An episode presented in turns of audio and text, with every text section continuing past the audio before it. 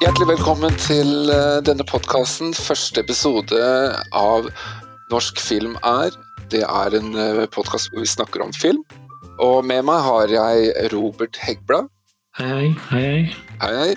Og navnet mitt er Lars Kristian Gamberg, og sammen skal vi da prate om norsk film. Og eh, jeg tror vi like gjerne bare kan hoppe rett over i hvilken film vi skal prate om. Og eh, ja, jeg vet ikke om Vil du si det, eller skal jeg si det, Robert?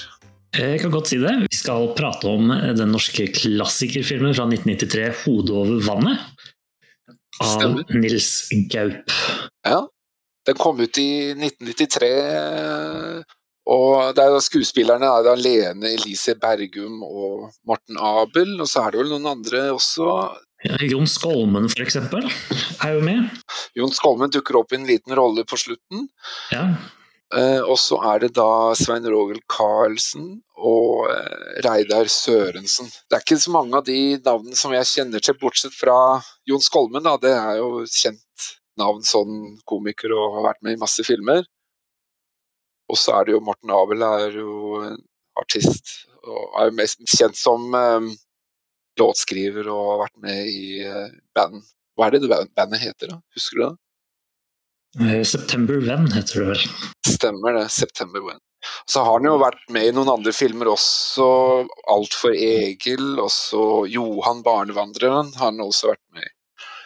Og Lene Elise Bergum har jo også hatt en, vært med i Hotell Cæsar. Så det er i hvert fall en liten knippe norske skuespillere med der. Av skuespillerne så er det vel egentlig Morten Abel som er mest kjent, men han er jo mest kjent for å ikke drive med skuespill, men med sang. Stemmer. Eh, så det er jo litt antiklimaks allerede her.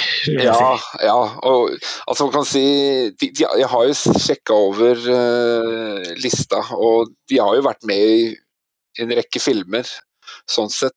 Og Lene Elise er jo kjent, men hun har kanskje ikke gjort så mye de senere årene, da. Så som du sier, Morten Abel er kanskje den som er mest kjent, foruten Jon Skolmen, da. Han er jo superkjent sånn sett, da. Eh, I hvert fall for noen. Det er, har nok noe med generasjonen å gjøre også, vil jeg tro. Fordi For meg så er jo Lene Bergum hun er jo egentlig mest kjent fra Hotell Cæsar, mens ja. Jon Skolmen er jo sånn Selskapsresen osv. Så som ja, eh, nest, husker godt. Ja, ja. Morten Abel har jo også eh, Det er jo han som har skrevet sangen som vi, vi hører i, eh, i, starten.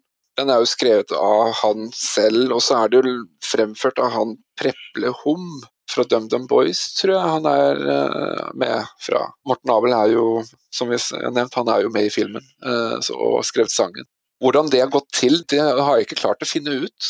Om sangen er skrevet til filmen, eller om det er noe han har skrevet fra før av, eller Sangen heter jo 'Hodet over vannet', så jeg ja. tipper jo at dette her er en sang som er skrevet til filmen. altså. Det tror jeg også, og det er jo eh, Jeg har ikke funnet noe, den sangen på noe album heller, av, verken av Morten Abel eller September When. Jeg har også lest meg til at dette var en lavbudsjettsfilm, og så den, vant den jo faktisk Amanda-prisen i, eh, i, i, 1994 som best eh, film. Det var jo en film som ble lagt merke til. Absolutt, absolutt. Nå er det ikke så veldig mange andre norske superfilmer fra 1993, kanskje? Nei, uh, har du litt oversikt over hva andre filmer som kom på, på den tiden? Uh, det er litt dårlig med oversikt over andre filmer fra Norge, sånn egentlig. Men altså, hvis vi tenker sånn litt større på det hele, så er jo ja. liksom den, den, virkelig, virkelig store filmen fra 1993 det er jo da Jurassic Park, Stemmer. som var liksom den som kanskje pengene klirra best i kassen. Eh, så er det jo også Jungelboken, som helt sikkert en del har hørt om, eller kanskje den, viktigste Tenker du på tegnefilmen, da, eller? Ja, det tipper jeg, da. ja, ja, ja. ja. Nei, men jeg husker jo den der. På, på kino fra Norge, da, hvis vi snakker ja. om i Norge. Ja. Uh, mens uh, Robin Williams, uh, Williams var vel med uh, Through Doubtfire, muligens. Ja. Og så er det jo da den virkelig, virkelig store filmen, som var liksom den, den viktigste filmen fra 1993, som da selvfølgelig er Schindlers liste, da, laget av Steven Spielberg. Ja, ja. Det er litt annen sjanger, da, kan man si. så, uh, ja. Det er gærninger i den filmen òg, for å si det sånn. Ja. Har du sett denne filmen fra før av?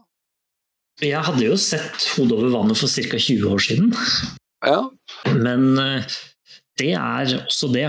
Eh, jeg har ikke sett eh, Det er ikke en film jeg har sett ofte, for den er litt før min tid, egentlig. ja. Jeg har sett den en gang før, men jeg så den ikke den gangen den kom ut. Fra den gangen så husker jeg veldig godt sangen.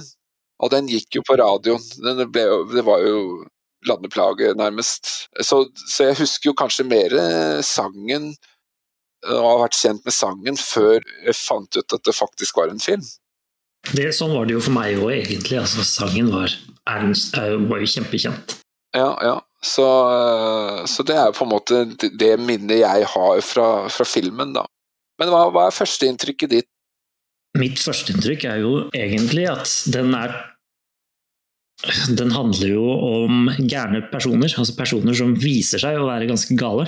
Ja. Eh, Som jeg kanskje i utgangspunktet ikke huska så nøye at den egentlig var om, men som nå selvfølgelig da var ganske åpenbart. Eh, eh, Og ellers så Altså, det virket som en film som Hvor man prøvde å liksom Prøvde å å fortelle noe som var litt vanskelig da, i utgangspunktet. Mm. Og egentlig diskutere noe som var litt vanskelig. Og så sitter jeg igjen med et inntrykk av at det er det de har forsøkt å gjøre. De holder på og, prøver å snakke om en litt tung problemstilling, egentlig, som dette her egentlig er. I en litt sånn underholdende, thrilleraktig film. Ja, for det er jo på en måte alvorlige temaer sånn sett. At det er forhold som, som, som er sånn at den ene er veldig kontrollerende, og at den andre er på en måte et offer, nærmest. da. Så det er jo på en måte en, eh, en sånn sett en interessant film, da, syns jeg. Ja. At den tør å ta opp det, det temaet da, på en hva skal man si komisk måte. Det, det er jo en sort komedie. Jeg velger å tenke at det er det. Da er vi tilbake igjen her, og eh, vi skal prøve å snakke litt om podkasten. Hvorfor vi gjør den, og hva vi egentlig skal snakke om. Prøve å definere litt eh, av premisset. Og eh, hva er det vi egentlig mener med norsk film, eh, Robert? Nei, hva vi mener med norsk film er jo åpenbart de norske filmene. Altså filmer som er laget i Norge av nordmenn, på en måte. Eller i Norge generelt. Ja, eller produsert, kanskje? Altså, Ja, produsert i Norge, gjerne.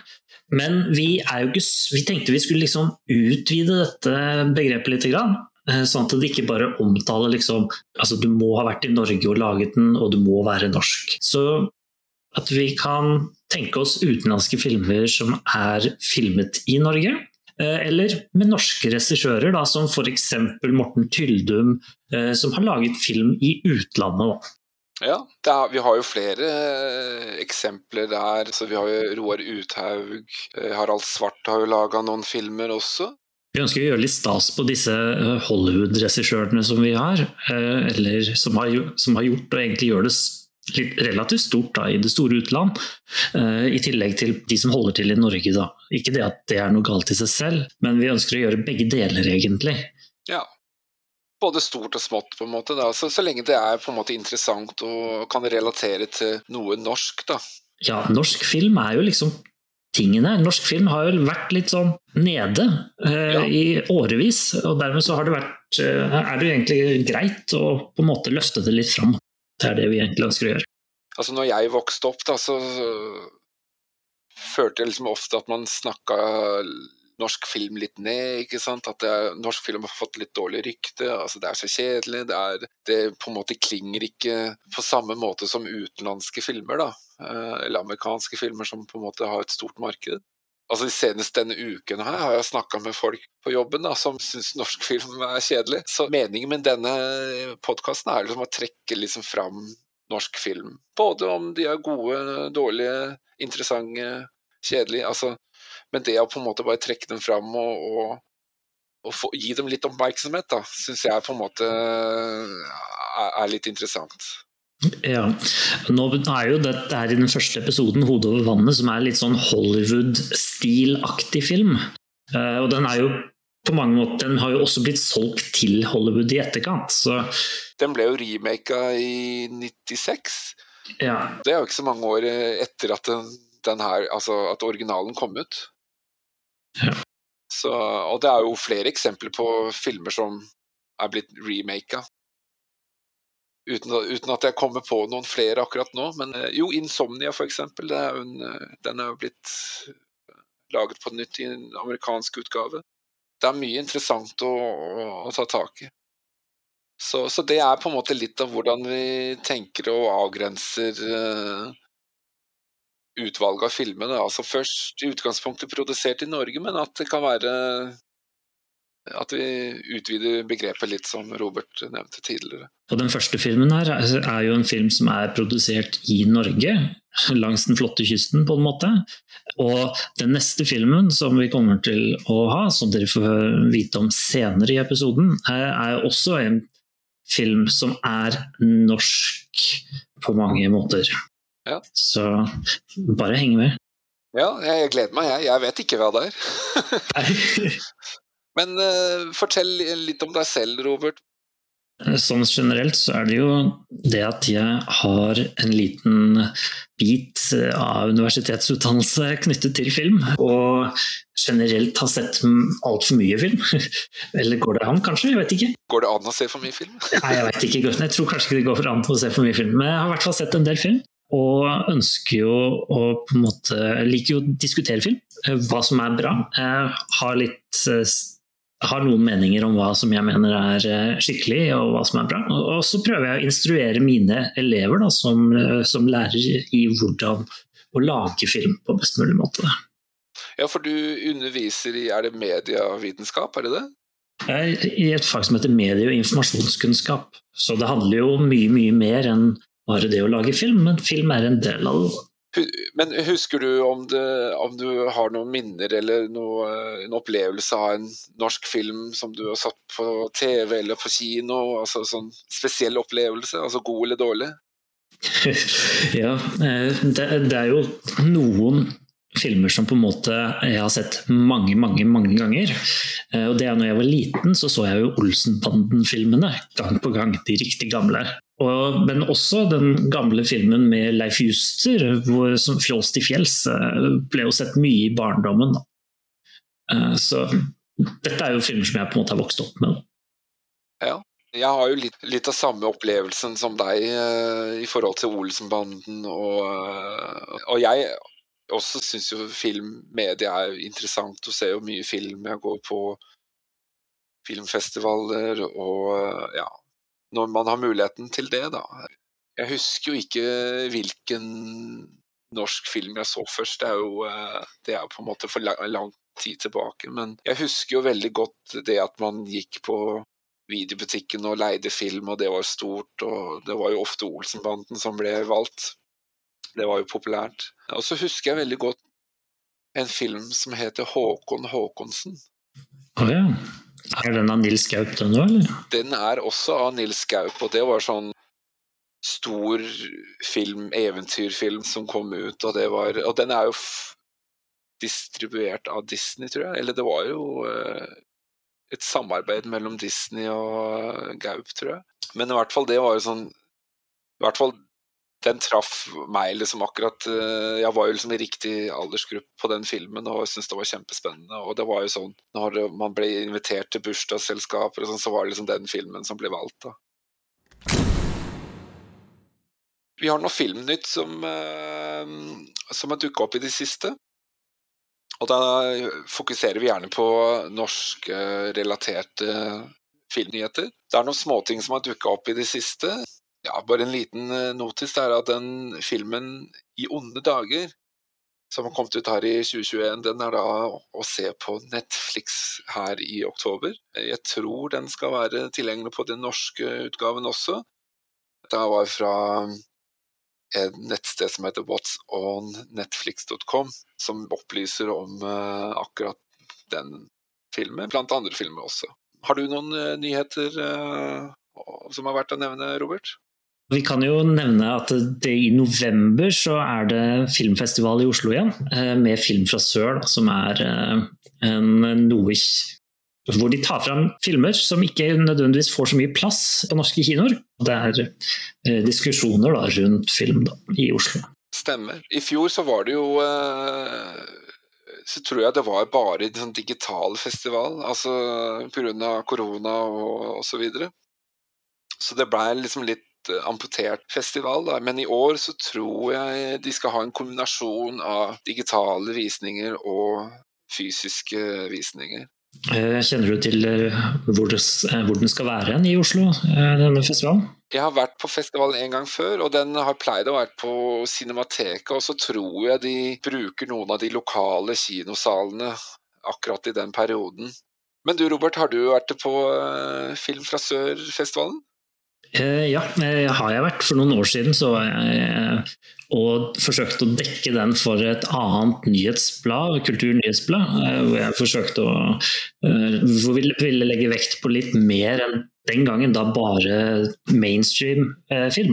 Så da ble det film da fra sør som var liksom et alternativ der da som vi valgte å dekke. Jeg husker ikke så veldig godt akkurat hva det handla om, eller hvilke filmer som var det året. men det er alltid noen nye, litt spennende regissører som, som, dukker opp. Ja, og Det som er litt spesielt med den festivalen, er jo at det er jo filmer fra den sørlige halvkule. Og da er det jo naturligvis litt andre typer filmer enn det man kanskje er vant til, da. Hvis du kommer på Film fra Sør-festivalen bare for å se på filmer fra Kristiansand, da blir du nok litt skuffa, tror jeg. Ja, det, det tror jeg også. En annen nyhet er jo at uh, det er en filminnspilling som er i gang. En film som heter Norwegian Dream, på Frøya. Som er, eh, det er en, eh, handler om en polsk par som flytter til Norge. Er det en polsk film, eller er det en film i, som, som, filmes i Norge, eller er det en norsk film om et polsk par?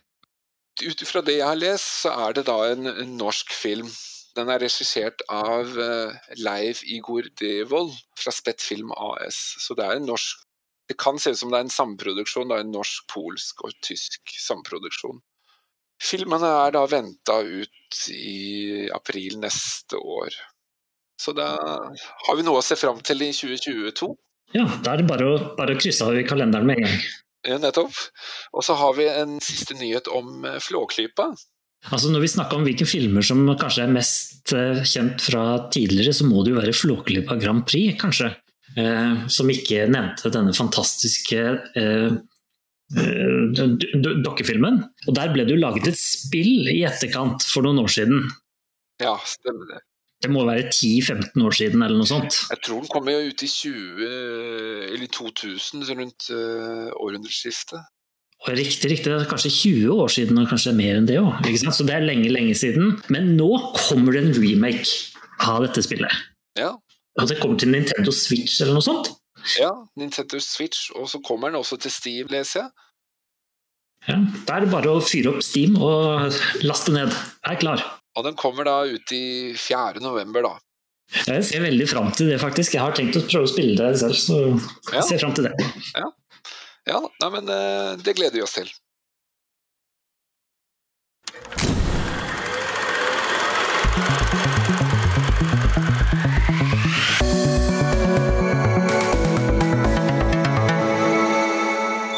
Da er vi da endelig kommet til eh, podkastens hoveddel, da hvor vi skal prate litt scene for scene og tematikk rundt filmen. For å sette det hele i gang, Fortell litt kort om uh, hva egentlig filmen handler om. Eh, dette er jo da en film som handler om et par som heter Lene og Einar. Og dems to ekstra personer, som er en barndomsvenn og også en tidligere elsker, eh, som heter Bjørn og Gaute. Og så er det da en sommeridyll. De er nede på, langs sjøen på en hytte, og denne idyllen slår etter hvert, eller ganske fort egentlig, sprekker. da, Hvor da Lene blir litt sånn et midtpunkt for dramatikken da, som skal foregå i denne ferieidyllen, egentlig, da, som det hele er. Ja, det hørtes veldig greit ut, det. det ja, Vi kan jo bare snakke om åpningsscenen, og jo, den sparkes jo i gang med sangen til eh, Morten Abel, altså 'Hodet over vannet', som jeg syns er en fantastisk sang. Altså, den passer jo på en måte til filmen. Det at det på en måte er noe noe, noe djevelsk, altså noe, noe som uggen som ligger og bobler under overflaten. Og det er jo på en måte det som kommer litt fram utover i filmen også. Hva med deg, har du noen uh, tanker om uh, åpningen av filmen? Hvis vi tenker så tidlig som når både, sangen eller det egentlig bare er sangen som er, uh, så hadde ikke jeg sånn Så kunne ikke jeg huske at det var noe spesielt med den åpningen, egentlig. Det jeg tenkte når jeg da så den filmen på nytt nå, var jo det at jeg Eh, jeg fikk ikke automatisk en følelse at dette her kom til å være en kamp om å ha hodet over vannet, på en måte. Nei, men det er jo på en måte litt positivt. Altså, jeg mener at det er At de starter på en måte idyllisk, da. Var det det du tenkte på? Ja, i grunnen så gjør den det, men sangen foregår jo før bildene, på en måte. Ja, det er sant. Eh, og det er på en måte dette postkortet ja. Eh, ikke sant? Eh, så, så, for så vidt idyllen blir jo lagt litt, eh, og det er jo veldig fint. Jeg føler at den krasjer litt med sangen i utgangspunktet, da. Ja, ja. Altså, ja, ja jeg, jeg, følger jo, jeg følger jo tankegangen din, sånn sett. Den der ideen med det postkortet altså, er litt artig, da. Først er det jo bilde av Skrik, altså av Munch. Ja, det er sant. Og så er det Stedet er jo Likvik. ja, det er, det, er, det er, sant. Og postnummeret er jo 666. Det er jo I noen sammenhenger så blir jo det ofte regnet som djevelens tegn. Ja, og Helt åpenbart at det var en referanse altså når de valgte å lage denne filmen. Og, og det passer jo selvfølgelig veldig fint med sangen, eh, for så vidt. Som et anslag så er det litt daut, da. Ja da, men jeg tenkte liksom det med postkortet, at du har liksom de der litt sånn subtile ting som på en måte dukker opp i postkortet, og det syns jeg er liksom litt sånn ironisk. Og det er jo en, en, på en måte en sånn foreshadowing, da. Har vi et godt norsk ord på det? Eh, frempek. Frempek, ja. Frempek. Så det er et frempek på at, at det der litt makabre, litt sånn dyriske instinktet som på en måte dukker opp i, i karakterene senere, da. Men det åpner jo med at vi er på den øya, eller vi ser jo øya, og og så er det vel Lene og Eivind og Bjørn som, som er i første scene. Jeg tror det er Lene som, står, som ligger og soler seg på, på et svaberg. Og man får jo liksom inntrykk av at dette her er liksom et isolert feriested Einar har en tursekk med altså, Man får liksom alle disse referansene til at det er idyllisk, og at det er ferie, at dette skal være et koselig sted, og osv. Noe typisk norsk, på en måte, da. Ja, det er jo åpenbart at de forsøker å sette stemningen her, før de forsøker å presentere karakterene, sånn som de egentlig begynner på her. Mm. Eh, så at de forsøker å gi oss en følelse av at vi er eh, altså noe vi kjenner igjen. Da, altså, det, det, er sikkert mange som har drømt om sørlandssommeren, på en måte. Eh, du har jo Lene snakker jo sørlandsk og og, Bjørn snakker jo stavangerdialekt. Eh, så det er, det er, klart at dette er kyst, kystnært strøk et eller annet sted litt sør i Norge. Og Det er ikke tvil om at det er mange som har opplevd dette her. For det er jo mange som har feriert i sånne strøk og kjenner liksom til den der atmosfæren og, og kan virkelig kjenne liksom hvordan det er å, å være der. Ja, Det er jo sikkert mange som også har hatt hytter langs sjøen, eller leid hytte, eller telta eller noe sånt. Og kanskje de til og med har prøvd å forsøke å bygge et ulovlig lysthus på langskjæret. Så det, det, er jo mange muligheter til å kjenne seg igjen her. Altså til, alle har vel gjort noe vedlikehold om sommeren, liksom. Ja, det er vel det stort sett mange bruker sommeren til. Som kombinasjon av ferie og vedlikehold. Ja, og, når vi for så vidt er her i presentasjonen på en måte helt i starten, så føler jo jeg at de forsøker å gi oss helt annet bilde enn det som de skal fortelle senere. Mm, ja.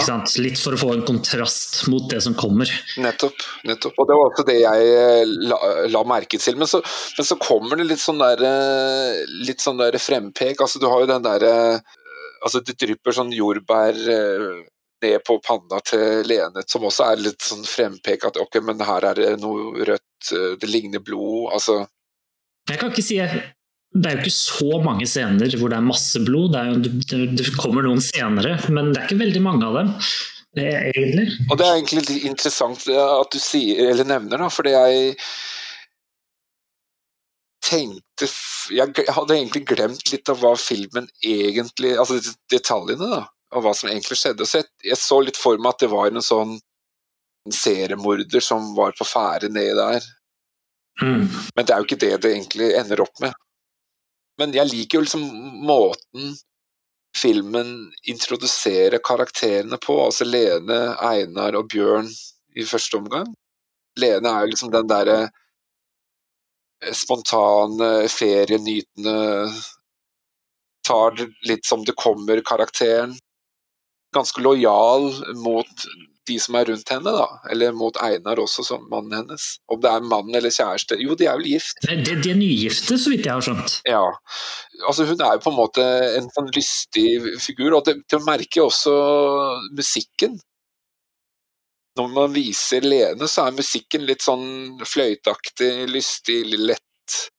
Og så er kameraet kanskje på uh, senere, da, på Gaute, så er det liksom litt mer sånn der grums i vannet, litt mer sånn celloaktig sånn. Riktig, riktig.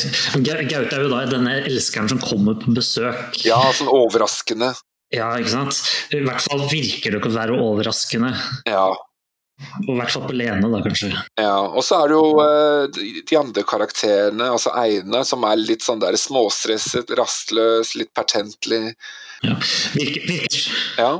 Det virker som at han egentlig har gifta seg litt oppover, egentlig. Som at han, at han, har noe å forsvare, på en måte. Eh, at Lene er liksom den, den dama han på en måte må forsvare mot da disse kjekke herrene Morten Abel og, og ja. Sørensen. Da, ikke sant? Ja, ja, ja, ja. Jo, men jeg, jeg, jeg følger deg der, altså. Men, men, han virker jo på en måte en sånn Selv om de er nygifte jeg, altså, jeg Sa de at de var nygifte, eller bare gifte? Jeg, jeg husker ikke helt uh, jeg vet, Lars, jeg, jeg husker ikke, men jeg leste det et sted. Ok, Ja, men det er lov.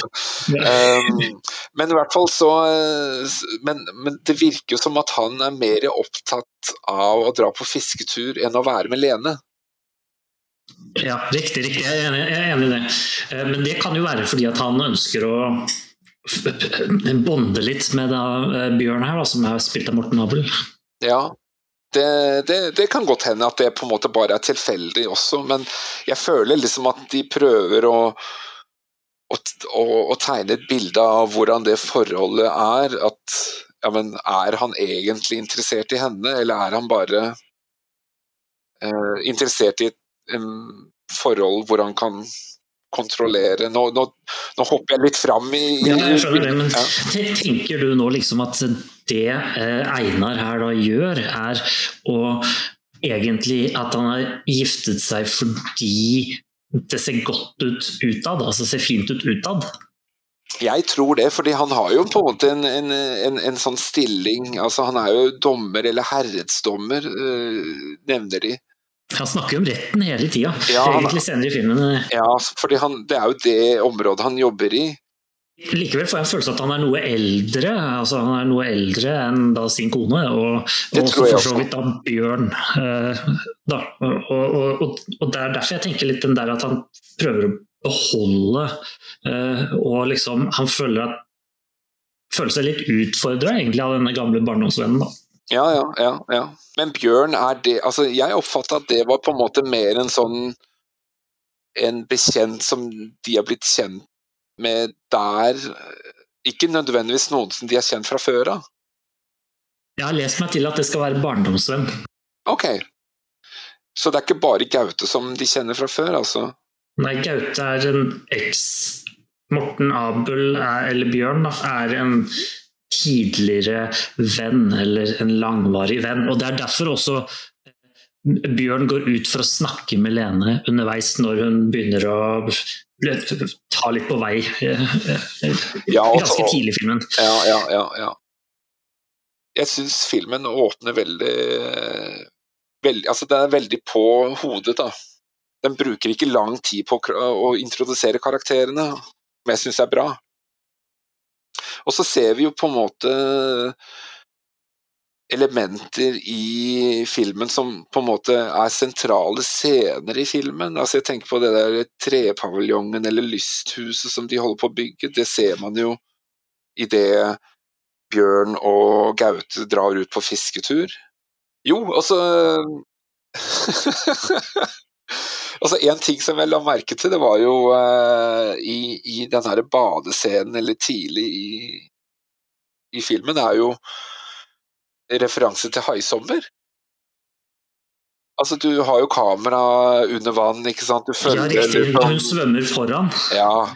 Riktig. Eh, det er veldig sånn subtil, men jeg eh, tenkte haisommer med en gang. Du tenkte haisommer med en gang du så scenen, eller var det eller det, er det sånn at du, du vet utfallet av filmen, og dermed så tenkte du haisommer? Jeg tenkte haisommer når, når kameraet var under vann og fulgte henne, på en måte. Altså Ja. Som om at kameraet er haien, da. At man Ja. jakter på henne. Og det er jo, det er jo også et frempek på uh, scenen i filmen at Riktig. Men det, det, det vet jo vi fordi vi har sett filmen. Ja da. Og så eh, dukker Gaute opp. Ja. Og da, da, begynner jo, da begynner jo problemene, egentlig. Ja, vi, vi vet jo ikke på det tidspunktet hvem Gaute er. Nei, men vi ser at det kommer en kjekk herremann eh, innover. Ja. Og de, og de kjenner hverandre tydeligvis. Altså, ja. Og er det også der hvor eh, det blir klippa over til scenen med Einar og Bjørn? Eh, ja, det skjer vel noe etterpå. Altså, det skjer jo i løpet av denne At vi blir kjent med Gaute, i hvert fall. Ja. Eh, og det, det skjer vel kanskje etter at Gaute har kommet i sin røde båt, sin røde politibåt, vel? Eh, I grunn. Eh, hvor han kommer eh, roende inn og parkerer denne båten sin, da, eller legger til en brygge, og så tar han og svømmer og overrasker vel egentlig Lene litt, gjør han ikke det da? Jo, fordi det stemmer, det. Fordi hun vet jo ikke at han kommer. Nei? Men han påstår i hvert fall at han har sendt et postkort, hvor han da sier at ja, men jeg kommer Kan jeg bli plukket opp på, på eh, kaia? Uten å liksom si for mye. så Tidvis når jeg så denne filmen, så tenkte jeg det at ja, kanskje hun egentlig visste om dette postkortet selv. Ja. Ja det, er- det, det er det vi ikke helt vet. Altså, hun påstår i Mm. hvert fall selv at hun ikke vet noe om postkortet. Ja. Dette postkortet som vi da allerede har sett i introen til filmen, er jo da en essensiell sak. Altså selv om det ikke var det postkortet, så er det liksom et det, Nå får vi skjønne at vi skjønner at det er et postkort som kommer til å få masse intriger rundt seg. Ja. Der eh, kom det på et eh, poeng som jeg tenkte på jeg, eh, når jeg så filmen. Og det er jo at altså, Jeg syns ideen med postkort i, i starten er kjempekul. Jeg syns kanskje det hadde vært enda mer på hodet, da. Hvis det hadde vært det postkortet som de faktisk snakker om i filmen.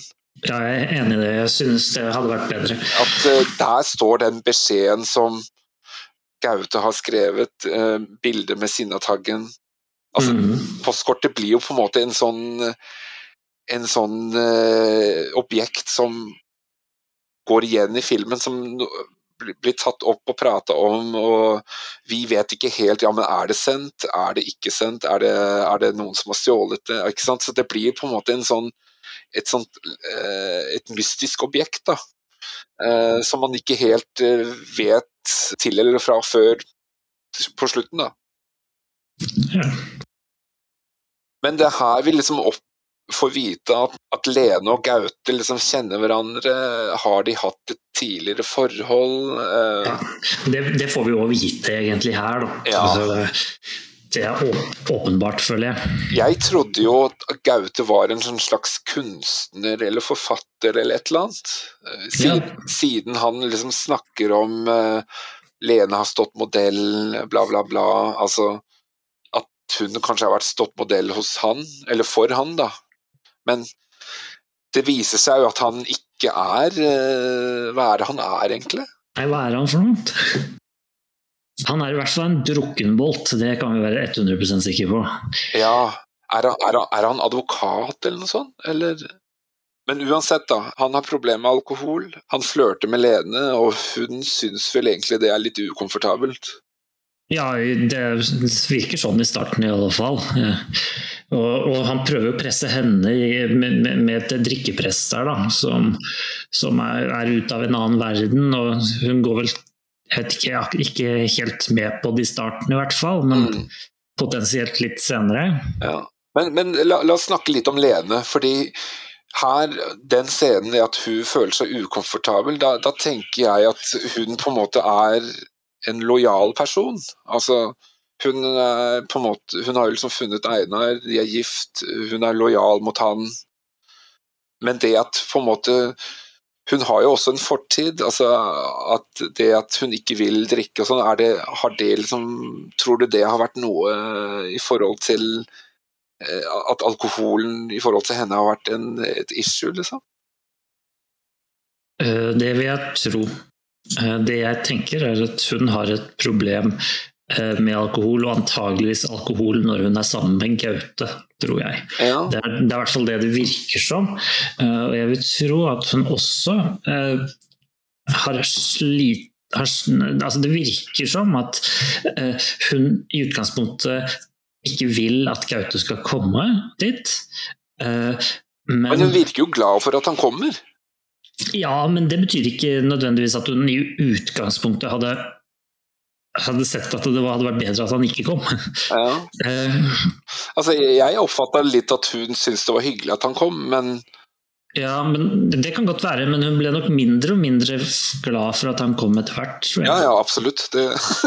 altså, men sånn, i, sånn i, utover kvelden der, når festen tar av litt, uh, egentlig, eller Gaute tar av, da, for den saks skyld. Uh, og det er jo det som skjer da, når Gaute da etter hvert sovner i, i, i senga, virker ja. det som. Ja. Og akkurat det, det skal vi akkurat komme tilbake til, for vi, men vi, vi, ser jo egentlig ikke helt hva som har skjedd. Altså, det blir bare neste dag og sånn. Men, men, det er litt seinere. I den samtalen, altså i neste scene bå, i båten med Einar og Bjørn, når de snakker sammen, ja. da får vi jo vite litt mer om Gaute. Det som jeg syns er litt morsomt, da, og, og, og eller, her er liksom litt kommer liksom komikken litt fram.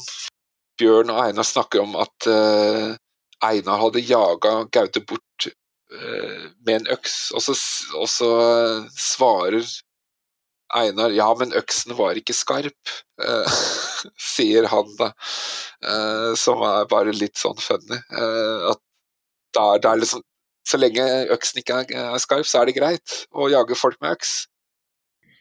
Hvis, hvis, noen har jaget noen med en øks, så har det antakeligvis vært en skikkelig situasjon som har foregått. Ja, så her har jo Gaute tydeligvis oppført seg, hva skal man si, påtrengende, eller i hvert fall gjort et eller annet som ja. Einar i hvert fall ikke liker, og kanskje sannsynligvis også Lene ikke liker. Det, kan, det, det sier jo ikke uh, Nei, det får vi aldri vite. Det for så vidt Men her, her, her kommer vi også fram at Lene er kunstner og at hun har hatt psykiske problemer før. Det er noe med noen piller og sånn som hun tar, og som Einar på en måte trigger litt på, da. Eh, men det er også noe som kom, dukker opp litt seinere.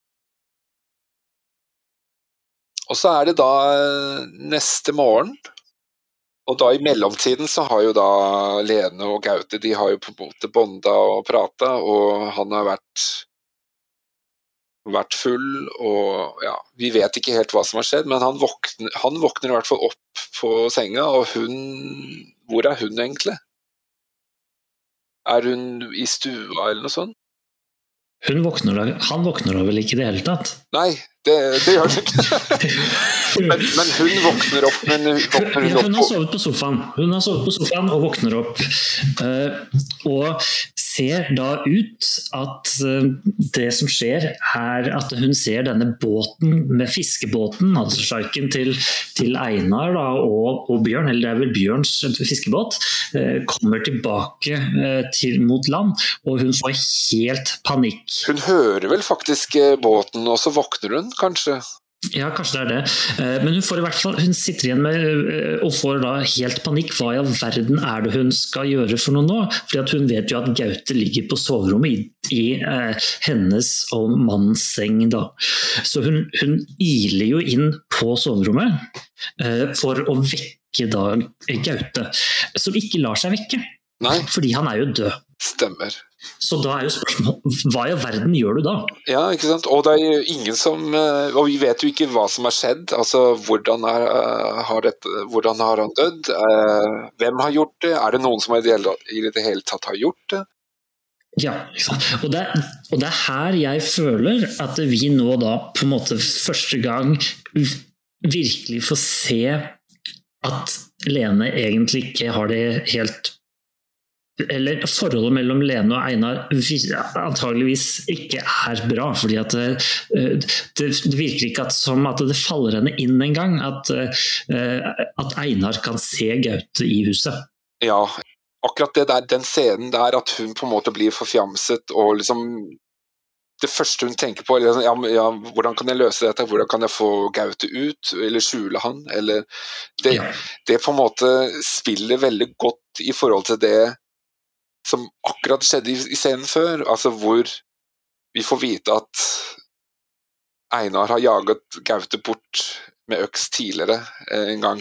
Da kan man jo spekulere, da. Altså har, har det vært en episode tidligere hvor Lene og, og, Gaute har vært full, og så har de kanskje flørta med hverandre, og så har Einar jaget dem ut?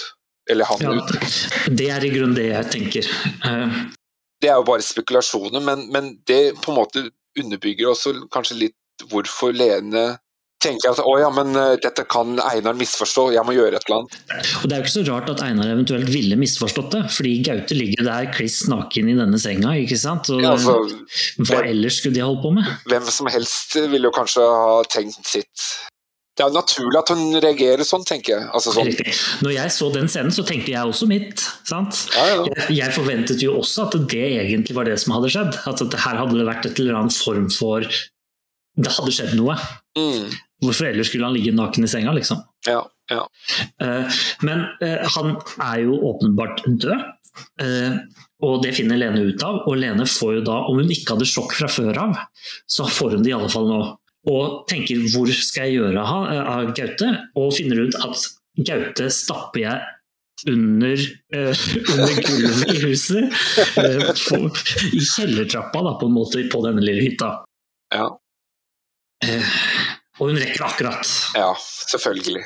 Og så er det et eller annet med, med kameravinkelen og, og zoomen her, fordi den Vanligvis så vil man jo på en måte se en scene hvor horisonten er rett, ikke sant? Men her så, så er på en måte litt sånn skrå vinkel, og, og det viser litt at ja, her er det noe uvanlig som kommer til å skje, eller noe unaturlig har hendt, eller skal hende. Eller, altså, det er noe utenom det vanlige. da.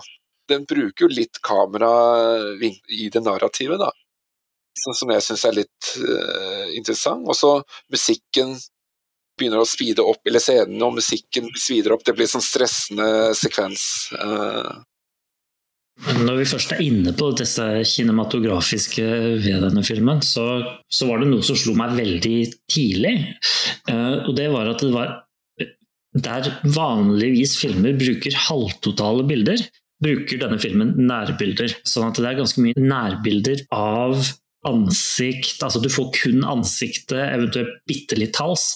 Ja. Uh, og det, eller deler, altså du får da hender og osv. Det er mm. mye nærbilder. Noe som er et sterkere virkemiddel enn å bare vise i halvtotalt. Ja. Uh, problemet som jeg satt og tenkte på, er at jeg synes det ble gjort veldig mye. Ja. Uh, som gjør at det mister litt den der nerven som det egentlig kunne hatt. Ja, ja. Eh, så det føler jeg at her burde det vært større variasjon. Eh, det er min tanke da, som jeg satt med, eh, med, med der. Når det kommer på sånn direkte direkte kinematografisk der. Og jeg synes jo for så vidt det skjer etter hvert i filmen. Ja. Men da er vi langt ute i filmen, altså da hvor, det, hvor, hvor ting virkelig, virkelig har skåret seg. Altså.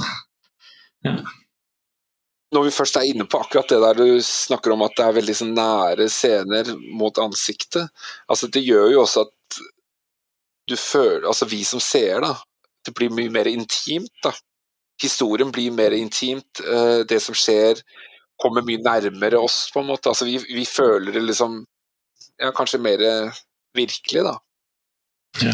Eh, det, det, jeg er for så vidt enig i at det er jo det de har forsøkt å gjøre, men jeg, jeg satt igjen med den følelsen at det, det ble overbrukt. Da.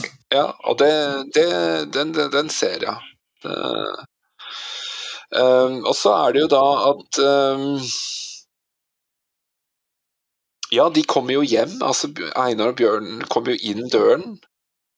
Og så vet jo ikke Lene helt hvordan hun skal liksom takle situasjonen. Hva skal hun gjøre? Hun må prøve å gjemme de klærne, da. Hun stappa jo Gaute naken i den der eh, kjelleren. ja. Hodet er jo akkurat oppi lemmen, så dytter ja. lemmen litt opp, og det er jo litt av den derre eh, eh, sånn Hitchcock-aktige suspenstankegangen, egentlig. At uh, vi vet at her er han, uh, ja. og, og, så kommer Einar gang på gang og skal liksom sjekke, men han gjør det liksom ikke. Ja, ja, det, er, det er en liksom sånn komisk effekt, altså, som, og en spenningssak som er Dette skulle tro det var liksom skrevet og laget av det, være, det, var nesten som at det skulle være eh, fra læreboka da, til Hitchcock akkurat der. Jo, men jeg tror absolutt at eh, det er bevisst. Ja, selvfølgelig er det bevisst. Det, dette tenker han på, han Nils Gaup, når han lager dette. Men det er jo her eh, filmens første nakenscene kommer inn. Altså det at hun skal ut og kaste disse her eh, klærne ut på vannet, eller gjemme dem. Filmens andre nakenscene. Er det det? Gaute er jo kliss naken. Ja, ja, ja. Uh, ja. Jeg bryr meg ikke så veldig mye om uh, han, men uh. Nei, nei, men han, det, det, er jo strengt tatt han som gjennomfører en nakenscene. Ja, men i hvert fall i forhold til Lene, da, så er det hennes første nakenscene. Ja, Som for så vidt ikke er en nakenscene? Hun hopper jo ut i vannet og skal i hvert fall toppløs, da. Ja. Ta med seg en stein eller noe, prøve ja, å senke klærne. Ja, ikke sant? At de... Typisk sånn mordertankegang, egentlig. Ja. Ikke sant? Jeg må bli kvitt bevisene. Ikke ja. sant? Litt sånn tegneserieaktig, nesten. Ja, egentlig. egentlig. Ja, ja, hun drar ut, hun kommer tilbake igjen. Og... og da føler jeg at hun har endret seg veldig. Hun har jo fått litt tid på å, å tenke seg om, da. For før var det litt sånn, eh, hva skal man si i hui og hast, liksom. Hun må liksom bare ut og bort og vekk og gjemme de bevisene, da.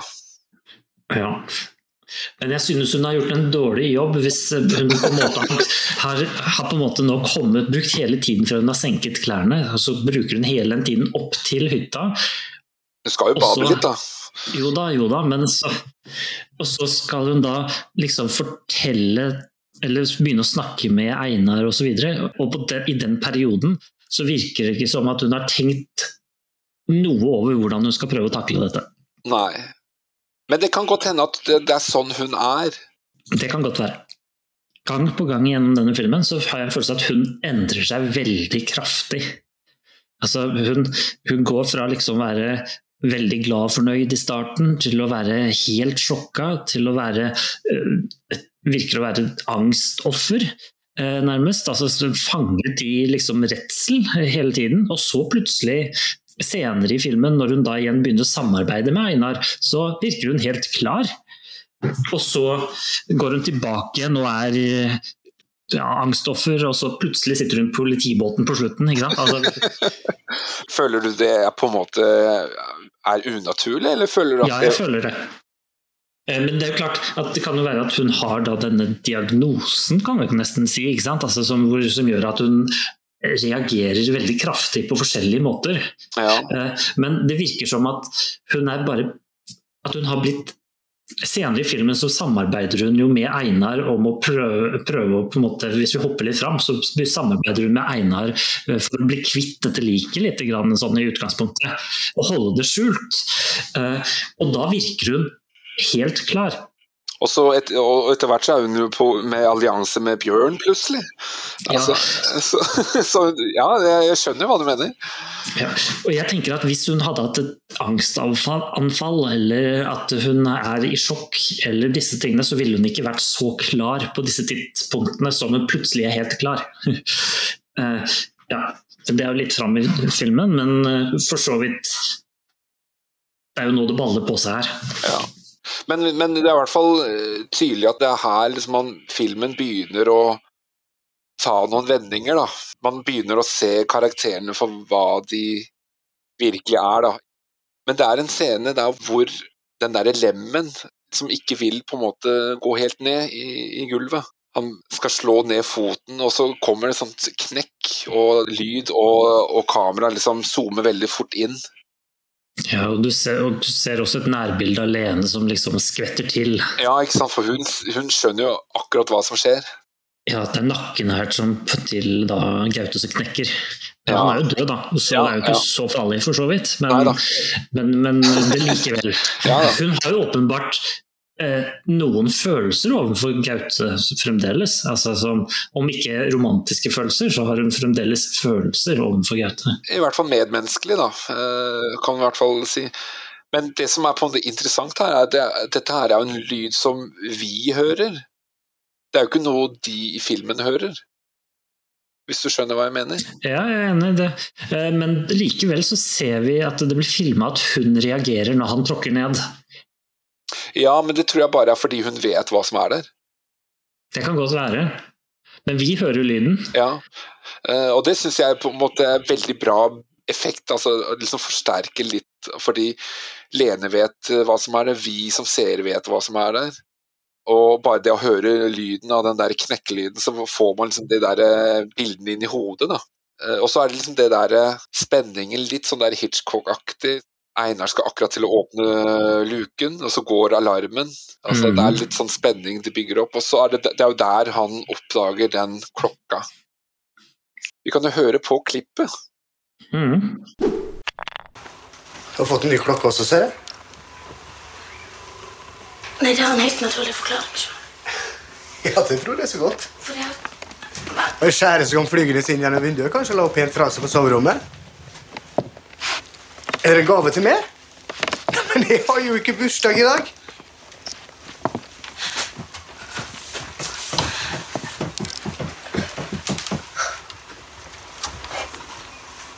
Det var um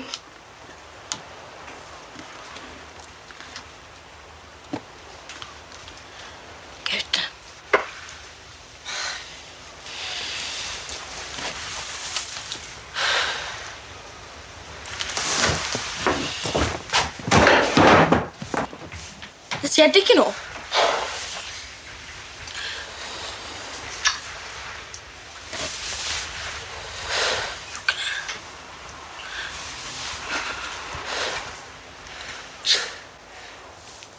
Hvorfor sa du ikke at den kom, da? Gaute er jo bestandig velkommen hit.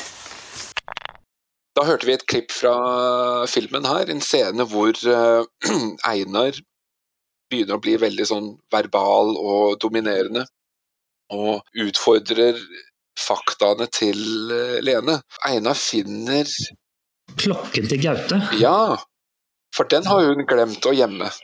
Yes, og Det virker som at Einar skjønner med en gang at dette er Gautes klokke. Ja. Eller at det må være en tilsvarende Gaute. Og da skjønner, tror jeg, Lene at nå må hun, hun må liksom come clean. sant?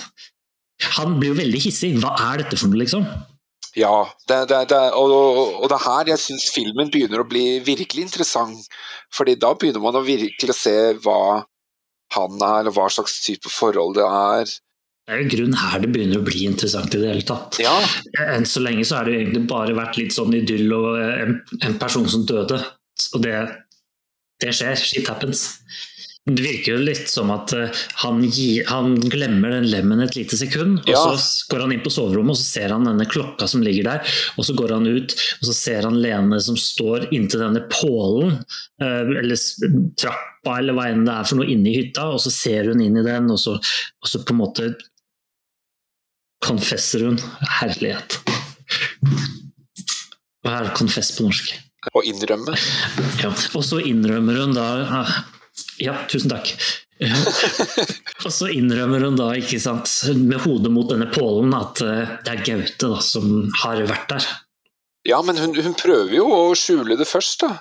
Men det at han på en måte angriper henne liksom verbalt, da, ja, men det kan jo ikke være stemme sånn og sånn og sånn. Og så han, han på en måte bokser henne litt inn da, fra alle kanter, og, og hun på en måte blir jo nærmest litt sånn Og så må hun bare innrømme det.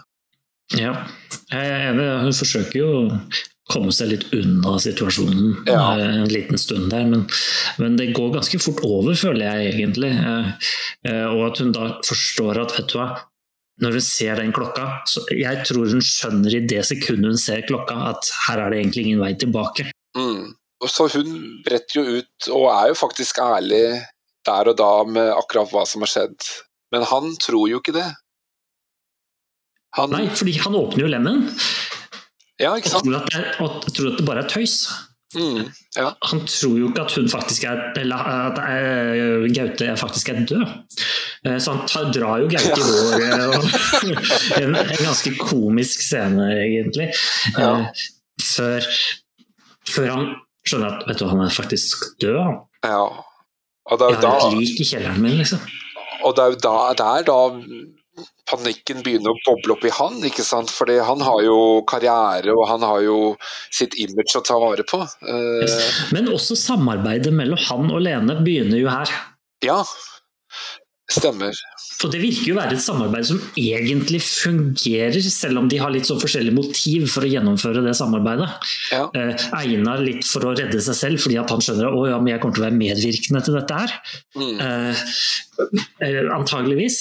Eh, og Lene fordi at hun eh, ønsker å liksom altså Hun ønsker å ha disse følelsene for denne Gaute, som hun føler at hun, hun må gjøre dette litt riktig, da. Mm. Jeg tenkte liksom bare på å gå litt tilbake i forhold til det der med hans dominerende atferd og det forholdet mellom Lene og Einar. Nå, nå er ikke jeg noen ekspert, og sånn, men jeg, jeg, jeg, jeg, søkte litt på, på nettet i forhold til diverse psykiske atferd. Og da kom jeg over en artikkel som heter 'Eiesyke og kontrollerende menn'. Til tross for at de forteller ham hva de gjør og hvor de er, vil han fortsette å prøve å vite det helt sikkert. Han vil alltid ønske å bekrefte at det som partneren hans sa, er sant. Det er jo akkurat det som skjer i filmen, i den scenen. Altså at han tror jo ikke på det Lene sier. Men det var bare en uh, liten digresjon. Det var forresten fra nettstedet utforsksinnet.no. Det er jo en, tankevekker, kanskje. Jeg vet ikke. Å tenke hvordan blir disse personene fremstilt i denne filmen? Altså, hvordan blir mennene fremstilt? Eh, At det er de som alltid skal ha løsningen, egentlig. eh, Og alltid være liksom redningen. De kommer opp med ideene osv. som skal være mer eller mindre suksessfulle. eh, uten, at, uten at de nødvendigvis står igjen som seiersherrer, fordi de dør jo alle sammen. Mm, ja, ja. Eh, Som du nevnte i stad, at Einar og Lene de begynner å samarbeide. Men før de kommer ut på vannet, da, så er det jo eh, Det er et eller annet snakk om den her blå Smirnov-flasken hvor det er noe For de begynner å snakke om men hva er det egentlig som har skjedd med, med Gaute. Er han, har han drukket den her trespriten? Er det blitt forvekslet noen flasker? ja, det er sant. Så det er en, det er en liten uh, dialog der med og, Det så vi jo i grunn allerede helt i starten. Uh, Når Gaute kom og begynte, så zooma de veldig tydelig inn på denne vodkaflaska. Ja, Uh, Sånn at vi skulle se veldig nøye hvordan den så ut, ja, ja, ja absolutt. Og det, og, og det er jo tydeligvis flere flasker det er snakk om, for det er jo ikke han, ja, altså Jeg er litt usikker på akkurat det der, fordi Man ser jo den flasken i hytta når Lene og Einar snakker om den, altså dagen etter. Men det er tydeligvis ikke den flasken der som uh... Dette her er det jeg lurer på også. fordi Hvor mange flasker er det? Er det tre flasker, eller er det egentlig bare én flaske som har blitt flytta rundt på av en eller annen gæren morder? Ja, det er jo et godt spørsmål, men jeg Sånn som jeg trodde det, da, så, så trodde jeg at det sto en flaske i huset. Ja, det sto en i hytta, ja. Ja, Som Gaute drakk av. Ja, som inneholdt tresprit. Ja, men det, det, vet vi jo ikke. Men så står det i tillegg så står det jo en flaske ute i boden som ja. Så det må i hvert fall være minst to flasker. Men, men, er den flaska som står inne i hytta, egentlig den flaska som står i boden? Det tror jeg ikke, fordi eh, Så han har to flasker med tresprit? Nei, jeg tror han har én flaske med, med, ekte vodka, og så har han en annen flaske med tresprit. Fordi han Tror du at Gaute døde av å drikke vodka? Det er jo det som er forviklingen, da. Eh, det er ingen som egentlig vet hvor han døde. Einar ser jo at det står en Blue Smirnovs-flaske i hytta, men det er ikke sånn at han tenker 'å ja, men det er den med tresprit i'. Hvis du skjønner hva jeg mener? Ja, eller spilte han bare karakteren sin der? Altså spilte rollen som han må gjøre. Ja, for du, du tenker at det er han som egentlig har gjort det? Altså, jeg lurer på hvem som har gjort det. ja, altså jeg, jeg, har en teori på det. Skal vi ta den til slutt, liksom? Ja, for så vidt. Fordi at jeg, jeg har et lite problem med dette. her. fordi at Dette føler jeg var så uklart at det er, at det er vanskelig å vite hvem som egentlig gjorde noe. Mm. Når Gaute drakk av denne flaska, mm. så skal jo de andre ha vært på fisketur. Ja. Det betyr at det enten må ha vært fikla med i forkant, ja. eller og det er litt det jeg tror kanskje det var, at, at Einar hadde satt den spritflaska der inne for, uh, med tresprit, ikke nødvendigvis fordi hmm. Mm, ja da. Det er en ting som gikk opp for meg her nå. Han drikker jo den trespriten sjøl. Einar? ja. ja, men da kan det jo ikke være tresprit. Jo, han, går, han blir blind. Å oh, ja, ja, ja, ja, seinere, ja. Ja. ja. ja. Så, og det betyr at han trodde at det var vanlig spritflaske, så det må være to flasker. Ja, ja. Men noen må ha bytta de to flaskene, tror jeg. For jeg tror at den flaska eventuelt har satt begge flaskene i hytta. For jeg tror begge flaskene egentlig er i hytta. Mm. Ja, det kan godt hende. Jeg tror eh, filmen ønsker, eller det er bevisst at det skal på en måte ikke være sikker på hvem som har gjort det. Ja, ja det er klart, for at ellers ville det ja, men, men, kjedeligere. Men uansett, flaske eller ikke flaske, her er det en, en, uh, filmens andre nakenscene, hvis man ser bort fra Gaute. yes. Men i hvert fall Einar og Lene begynner å samarbeide om hva, hvordan skal de få bli kvitt dette her liket, eller ja Og ja. Og, de, og, de, finner jo ut av det, egentlig. Ja. Her må vi samarbeide. Ja, fordi nå begynner de å stole på hverandre likevel. I hvert fall, ja. hvert fall Einar stoler i hvert fall på Lene. Lene har vel alltid stolt på Einar, sånn, i hvert fall opp til nå. Ja.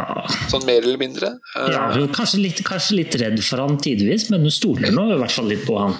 Så går de da ut i skogen for å finne denne her komfyren, eller noe tung metall som de skal feste ja. ja. liket i, og så møter de bjørn. Ja.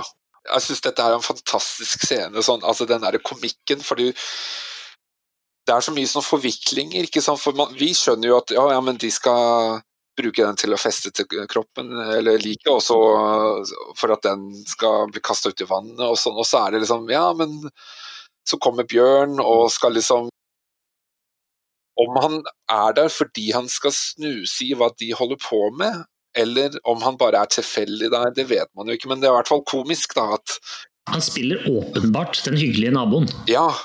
Eh, men han er der, og han er hjelpsom, og han blir med i båten.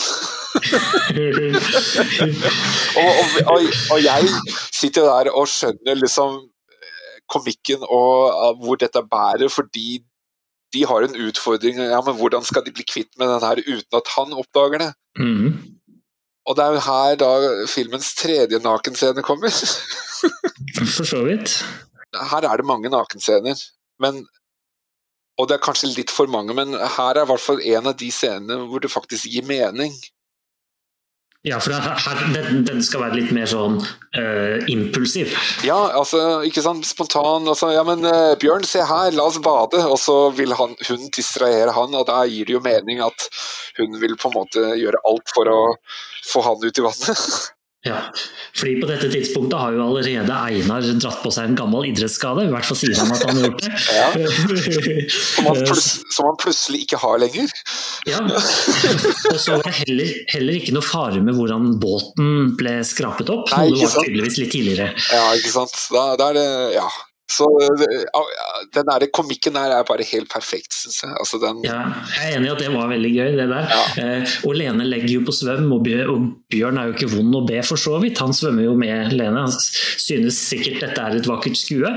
ja, ja. Og Einar liksom bare begynner å rote nedi motorrommet der liket ligger. og det, nei, det var... Ja, fordi, fordi det er Men det skjedde jo også litt før, tror jeg. Altså at Lene prøver å dra dette liket ut, og så må hun dytte det inn igjen. Er det ikke noe Ja. Og det må han også, fordi Bjørn kommer tilbake igjen. Ja, ja, så Bjørn kommer jo svømmende tilbake, og da løfter han lokket på motor, eh, motorrommet, sånn at han Ja. skal skjule for hva som er inni båten. Stemmer, stemmer. Og, og det er klart, dette er jo bare en sånn dette er en sånn farsetankegang. Ja, ja, ja. Altså her, her åpner du en dør og lukker en annen. ikke sant? Ja, ikke sant. Og så, og så er det den hjelpsomme Bjørn som tar den her komfyren og sier ja, men nå skal jeg hjelpe til, og så kaster hele dritten ut. Og så går hele planen i vasken, rett og slett. Ja, og så, og så kommer de tilbake til land, rett og slett. Ja. Eh, og da er det jo Ja, så de må jo finne på noe nytt. Hva uh, eh, ærlig husker jeg ikke hva det var. Ja, men uh, det er i hvert fall altså, de, Planen er å gå til vasken, så de må jo finne på et eller annet nytt. Men så blir det kveld, og så skal de jo legge seg. Nei. Jo, fordi eh, det er der, det er der Lene oppdager dressen til Gaute. At, ah, nei, altså, at dressen er dukket opp igjen. Den som hun kasta. Den har jo Gaute på seg. Å ja, det er selvfølgelig Gautus, den grå dressen, ja. Ja, snakker Lene og Einar om at de skal legge skylden på Bjørn? Ok, så det som skjer neste nå er jo at eh, Lene hun drar til Gaute. Eh, var det med noe fisk eller noe sånt? Ja, Hun hadde med seg noe fisk, eh, fordi Gaute står jo der Nei, herlighet, han heter jo ikke Gaute, han heter jo Bjørn. Ja, stemmer. Vi tar det på nytt. Ja, det går bra. Eh, det er Bjørn. Eh, Lene drar jo til Bjørn eh, og har med seg fisk, og disse fiskene virker det som at hun egentlig bare skal være hyggelig å ta med seg til, til Bjørn for å jeg vet ikke, være den hyggelige naboen. ikke sant? De var har ja, jo, de er jo jo nesten, nesten tatt dem med et lik i båten, ikke sant? så det er jo Ja, ja, ja. praktisk å være litt på godfot i etterkant. Eh, og da ser hun jo at eh, Bjørn står og maler med en veldig fin dress på seg. ja. En grå dress der. Og det er jo dressen til Gaute. Ja, Eh, og hvordan den er den, den må jo bare tilfeldigvis ha dukket opp, eh, tenker jeg. Og så har Bjørn funnet den. Han har jo funnet båten og dressen, da, kanskje? dette tidspunktet. men, jo, men er det, ikke, er det ikke båten som dukker opp sånn tilfeldigvis Ja, sant, eh, akkurat etterpå, eller noe sånt? Jo, det er Ja. sant. Men uansett uh, Han har i hvert fall fått tak i denne dressjakka på et eller annet sted. Ja, og han syns den er kjempefin. Uh, og Men det er her jeg begynner å bli litt usikker på Bjørn som karakter. Altså, jeg, jeg vet ikke helt hva hans uh, intensjoner er, men jeg skjønner, jeg, jeg skjønner ikke helt hva han holder på med. Hvorfor tegner han disse her tegningene? Det kan jo være at eh, altså, Hvis vi skal bare tenke at han er helt uskyldig i dette her, da, eh, så kan det jo være det at han tenkte at dette var en litt artig situasjon. Hvis, hvis, du, er, hvis du er kunstner og du, eller du liker å tegne, så sitter du jo og drodler hele tida. Altså, jeg, jeg tenker at det er en mening med de tegningene, hvorfor de er i filmen. Ja, jeg skjønner, ellers ville de ikke brukt tid på det. Ja. Det eneste jeg tror, det er at filmen vil vise at Bjørn er mistenksom på hva Lene og Einar driver med, men jeg, jeg skjønner ikke hvorfor han skulle være mistenksom på dem i utgangspunktet. Altså, Han er jo kjent Lene veldig lenge. Det kan være at han har en følelse av at Lene nå er på en spesiell måte som, hun, som han kjenner igjen fra tidligere, hvor det har vært et eller annet. Uh, og at han dermed så begynner å snuse litt ekstra. Uh, gå rundt i skogen uh, og liksom følge med på hva driver egentlig Einar og Lene med, egentlig. Er det muligheter her for at jeg, at jeg kan komme med noe her, eller eller, eller, kanskje bare det at jeg burde følge med litt nå, fordi når Lene er på denne måten, så er det best å følge med. Ja, ja så du mener at han på en måte venter på en sjanse til å svartmale han, på en måte? Altså Enten det, eller at han ser at Lene er på en måte, og da som gammel venn, enten som gammel venn eller som ønske av noe mer, eh, tenker at her er det best å følge litt ekstra med. Mm, ja. Enten for Lenes beste eller for mitt, eller mitt beste, da, som, han, som Bjørns beste. Ja. Men uh, ja. Ja, men i hvert fall uh, Jeg lurer på om det er her den der uh, røde politibåten dukker opp. Ja. Det som, det som Gaute kom med i utgangspunktet. Ja, Vi vet vel egentlig ikke at det, er en politibåt før helt til slutten? Eh, nei, det gjør vi kanskje ikke, men Så, så dette her er egentlig bare en vanlig jolle. Eh, og så tror jeg hun hopper ut i vannet. altså Det er, det er filmens fjerde nakenscene, hvor hun får tak i den her jolla, tror jeg. Det er veldig mye nakenscener her, altså. altså. Du har telt det bedre enn meg, for å si det sånn. Jeg har det, for jeg syns det var veldig interessant.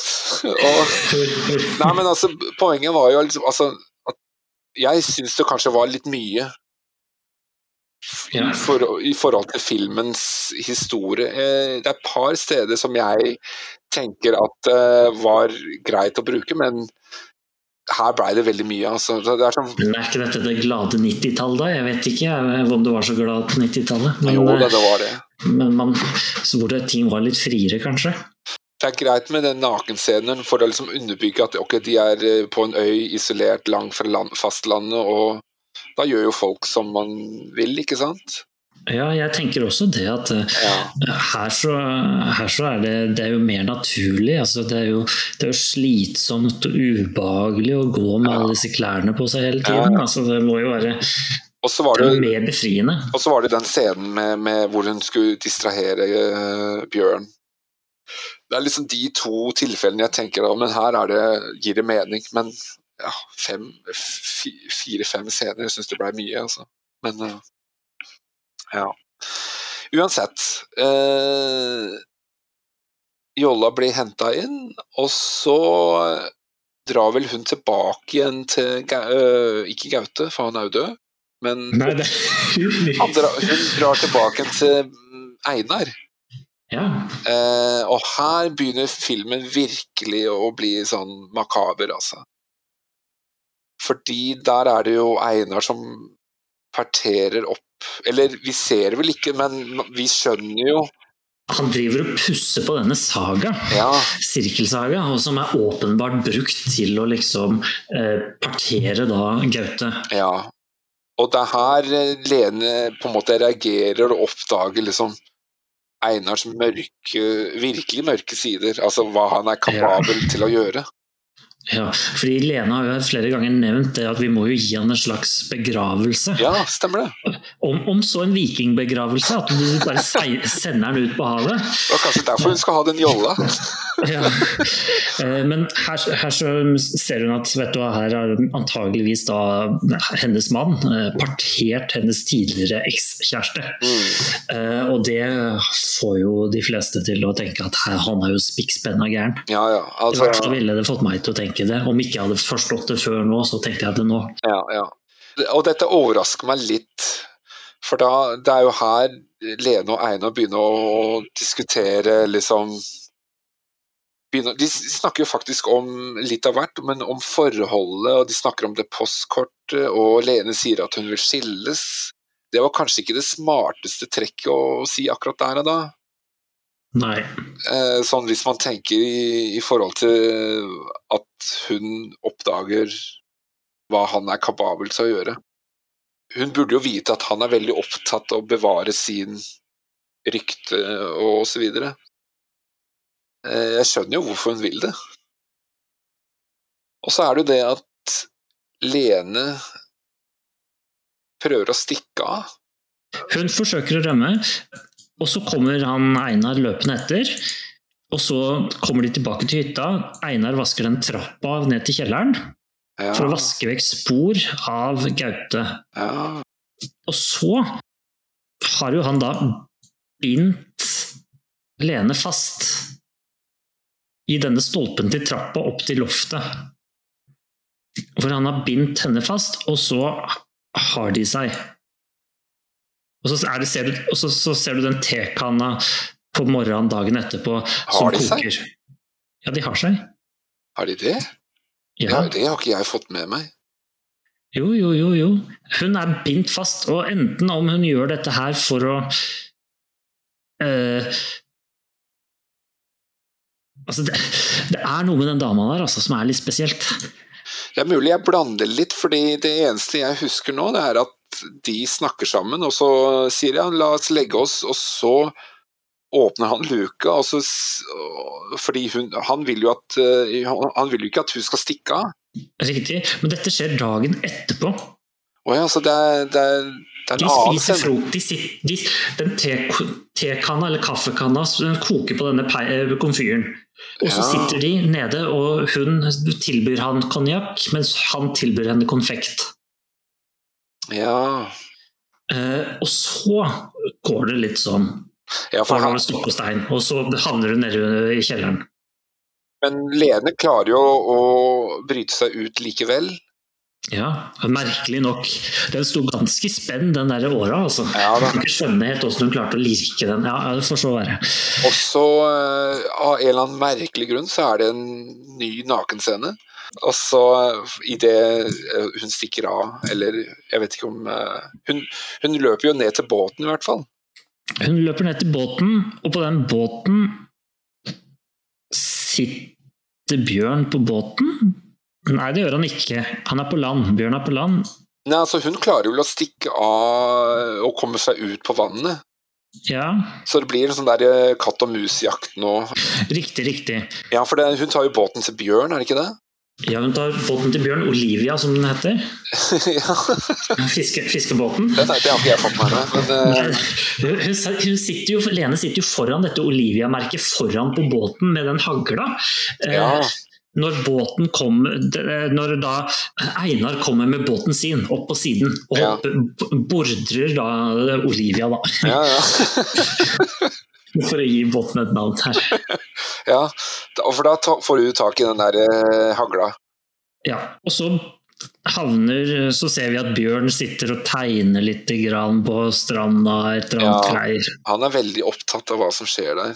Det som stussa meg litt på denne bå båtjakten, det var jo at hun hadde jo eh, god, grei fart, og så var hun liksom på vei ut, og så stopper liksom båten opp. Ja, jeg tror det er en filmatisk ting for å få gjennomført det. Ja eh, ikke, ikke en stor greie, men jeg bare la merke til det.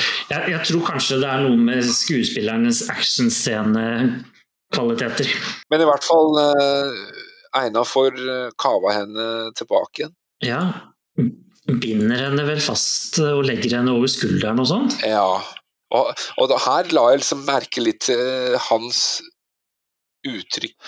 Noen ganger så kan man se ansiktet til Einar og liksom tenke at ja, men han er en hyggelig, autoritær kar. Og andre ganger så ser at, man at han er nærmest en psykopat.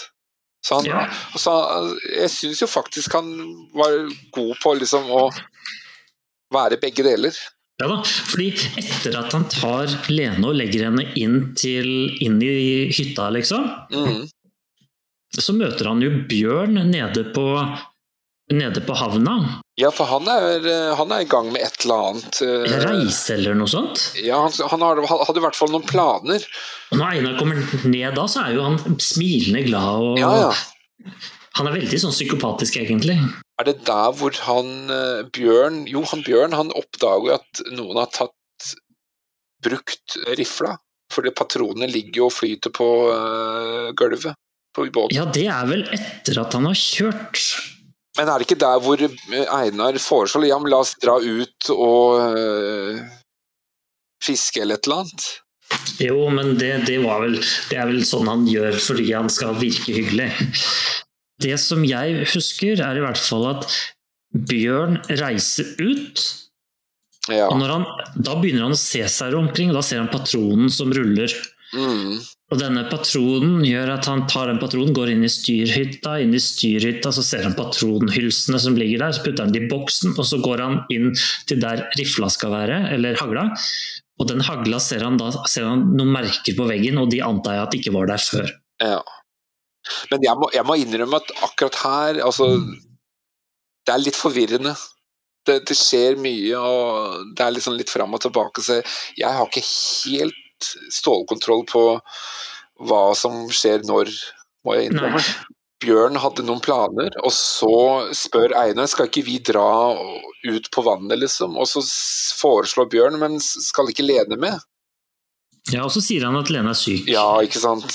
Men det som er tingen, er at når Bjørn er ute og seiler med denne hagla, Mm. og ser på denne hagla, eh, så skal Einar flytte Lene. Så når Bjørn Ja. kommer kjørende inn igjen mot havna, så ser han den med, med Lene over skulderen, og han bråsnur, putter Lene tilbake inn, hamrer igjen eh, vegg, havn, Hamrer igjen. Ja, er Men hvor er, han, hvor er det han skal flytte Det vet vi jo ikke. Hvor Einar har tenkt å flytte Lene, tror jeg ikke blir sagt. Ja, stemmer det. Ja, ja, ja. ja. Og så er det noe med at Einar han har en sånn Farris-flaske. Ja, det er riktig, det. Har noe giftig. Er det, og er det for at han skal ta livet av Bjørn, eller er det av Lene? Jeg tipper Lene. Ja. Jeg tror han skal forgifte vannet til Lene, som han skal bare gi til Lene når hun ja. så trenger drikke. Det som skjer, er jo at, at eh, Einar pakker ned. Men, men er det der hvor hun eh, han, Einar sier at ja, men han, hun vil egentlig ta livet sitt, eller noe sånt? Ikke helt ennå, nei. Nei, han... Fordi Først så må hun komme seg løs og snakke med Bjørn. Ja. Da tar vi rett og slett et lite klipp fra filmen her. Så tar han og parterer han, og så murte han ned i trappa på lysthuset.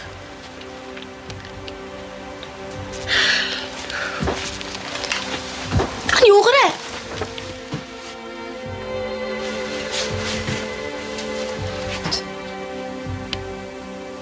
Er det sant, dette her? Gå og se sjøl, da!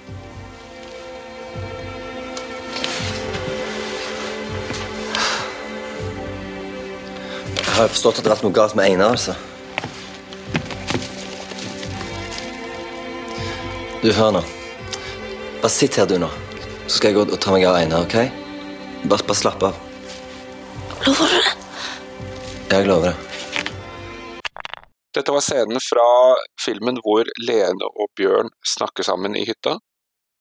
Og det er akkurat før denne scenen hvor Lene har klart å snike seg til hytta til Bjørn.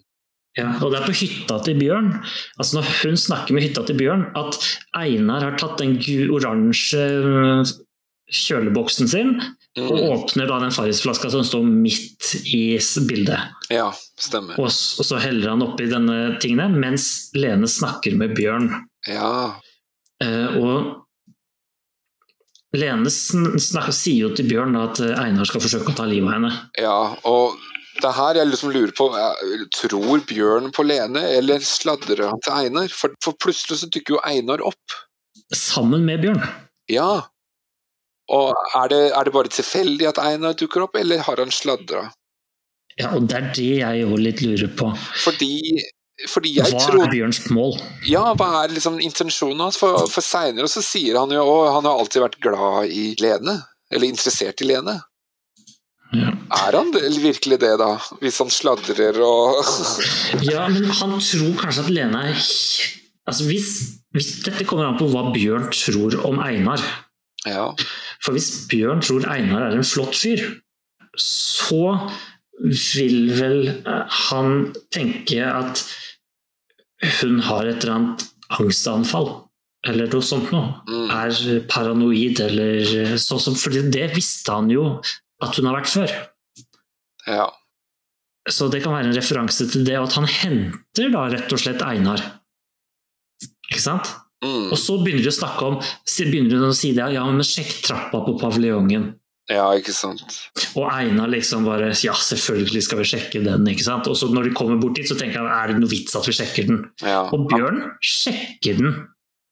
Men altså, rett før, eh, før dette her, så, så er det jo da Lene oppdager at det postkortet som vi, som vi har vært snakka Mm. mye om, det ligger hos Bjørn. Ja. eh, På eh, bordet der. Og så prøver hun å gjemme det. ja. Så ser Bjørn det. Hvorfor prøver hun å gjemme det? Det skjønner jeg ikke helt. For det her er et spørsmål, altså. Lene tror på det tidspunktet, når hun ser det der, at det er, at det er Bjørn som har tatt livet av Gaute. Eh, Men jeg tror ikke Gaute, Bjørn har tatt livet av Gaute der. Nei, det tror ikke jeg heller. Fordi jeg tror at Bjørn rett og slett har gjort som han sier, ikke lest posten hennes. Mm. Men her er liksom spørsmålet mitt. Hvorfor har ikke Bjørn fortalt om postkortet før? For de har jo møtt hverandre hver dag. Han pleide å ta med posten deres, sa han. Ja. Så det kan godt være at han at han liksom ikke så det som superviktig. Han har ikke lest det, liksom. Det er ikke noen grunn til å ta det med sånn det, det har ikke nødvendigvis gått så mange dager. Han kan ha glemt det. Ja, kanskje det er fordi han er interessert i Lene. Og så ville han ikke at Gaute skulle dukke opp og møte Lene. Så du mener han har lest brevet? Eller kortet? Ja, kanskje. Og at han har sett at Gaute skulle komme, og hvis han lar være å Så kanskje, så kanskje så kanskje han ikke dukker opp likevel. Ja, ja, det er jo selvfølgelig en mulighet. Eh, Jeg tror likevel ikke det er, er forklaring på at han visste at Gaute skulle komme, og dermed tok han livet av Gaute. Nei, men jeg tror, fort, jeg tror fortsatt ikke eh, Bjørn har drept Gaute. Nei, fordi dette går jo veldig fort nå. Ja, og det er, det er mye ting som ikke jeg føler blir godt forklart, da. Sånn som for eksempel at Lene, hun flyr ut til Ut i trappa, ja. Ja, og så hvorfor? Hvor, for hun skjønner jo at han kommer til å se eh, liket i trappa. Ja, og så står jo Einar der med gunneren og skal til å skyte Gaute. Nei, eh, Bjørn. Unnskyld, Bjørn. Ja, ja. Og så, roper hun nei. Eller, eller, eller, er det om, eller er det Bjørn som står med gunneren? Jeg husker ikke. Nei da, nei da. Nei da, det er Bjørn blir skutt i armen. Ja, Han skyter Bjørn, eh, Bjørn i armen, og så slåss eh, Lene og eh, Einar. Og så tar Bjørn og banker til eh, Banker til Einar med en planke i hodet. Ja, og så går det litt grann tid. Det er Einar som forsøker å skyte Bjørn, og så går det litt grann tid. mm. Så er det litt sånn scener, og så rømmer de ut igjen på liksom skjæret.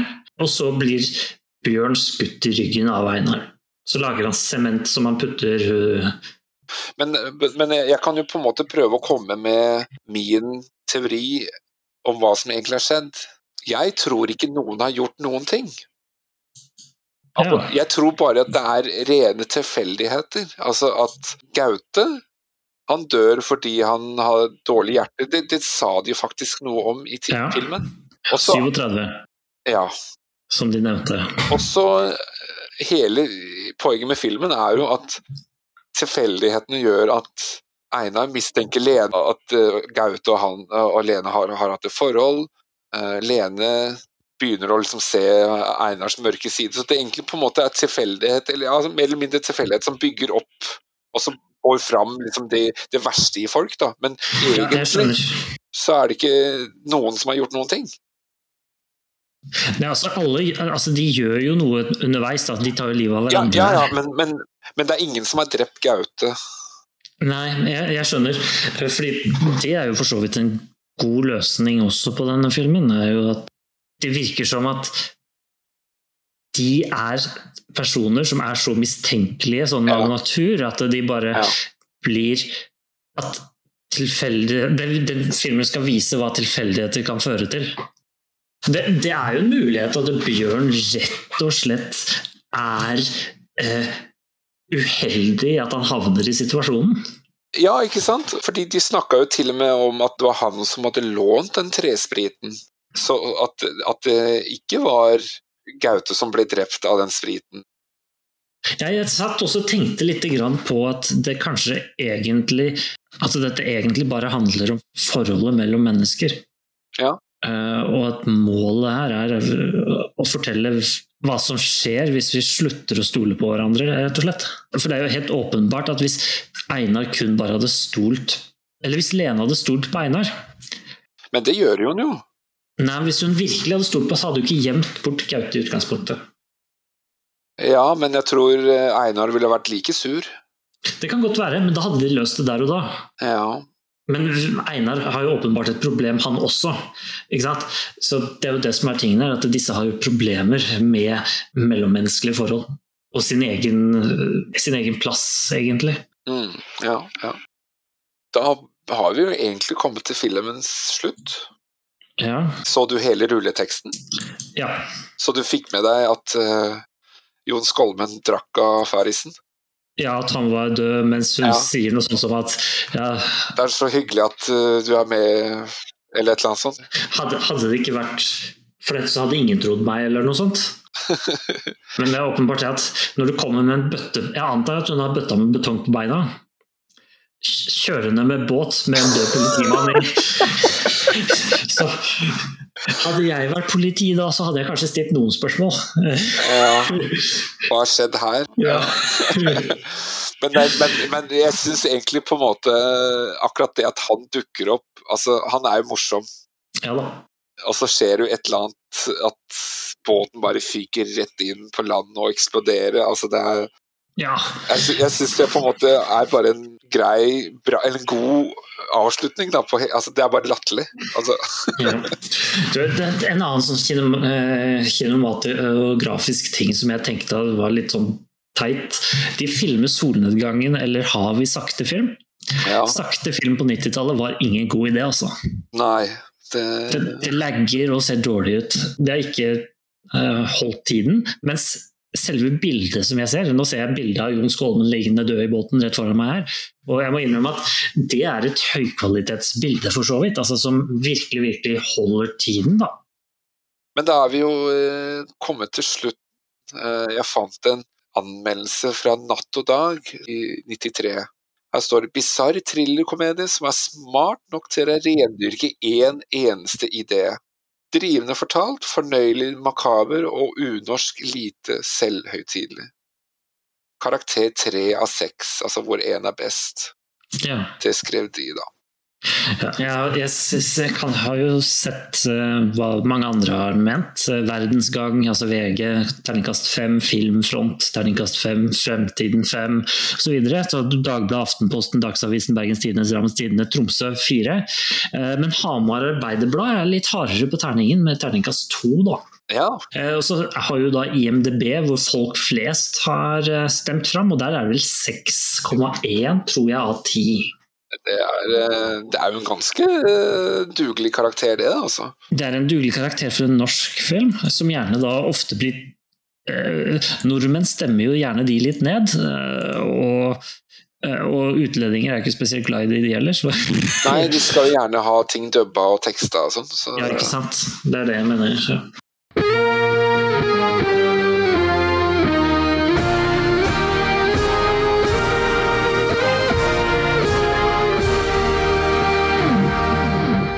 Da har jeg kommet uh, til neste bolk, som da heter typisk norsk, hvor vi ja, prøver å trekke fram hva er det som er typisk norsk med denne filmen.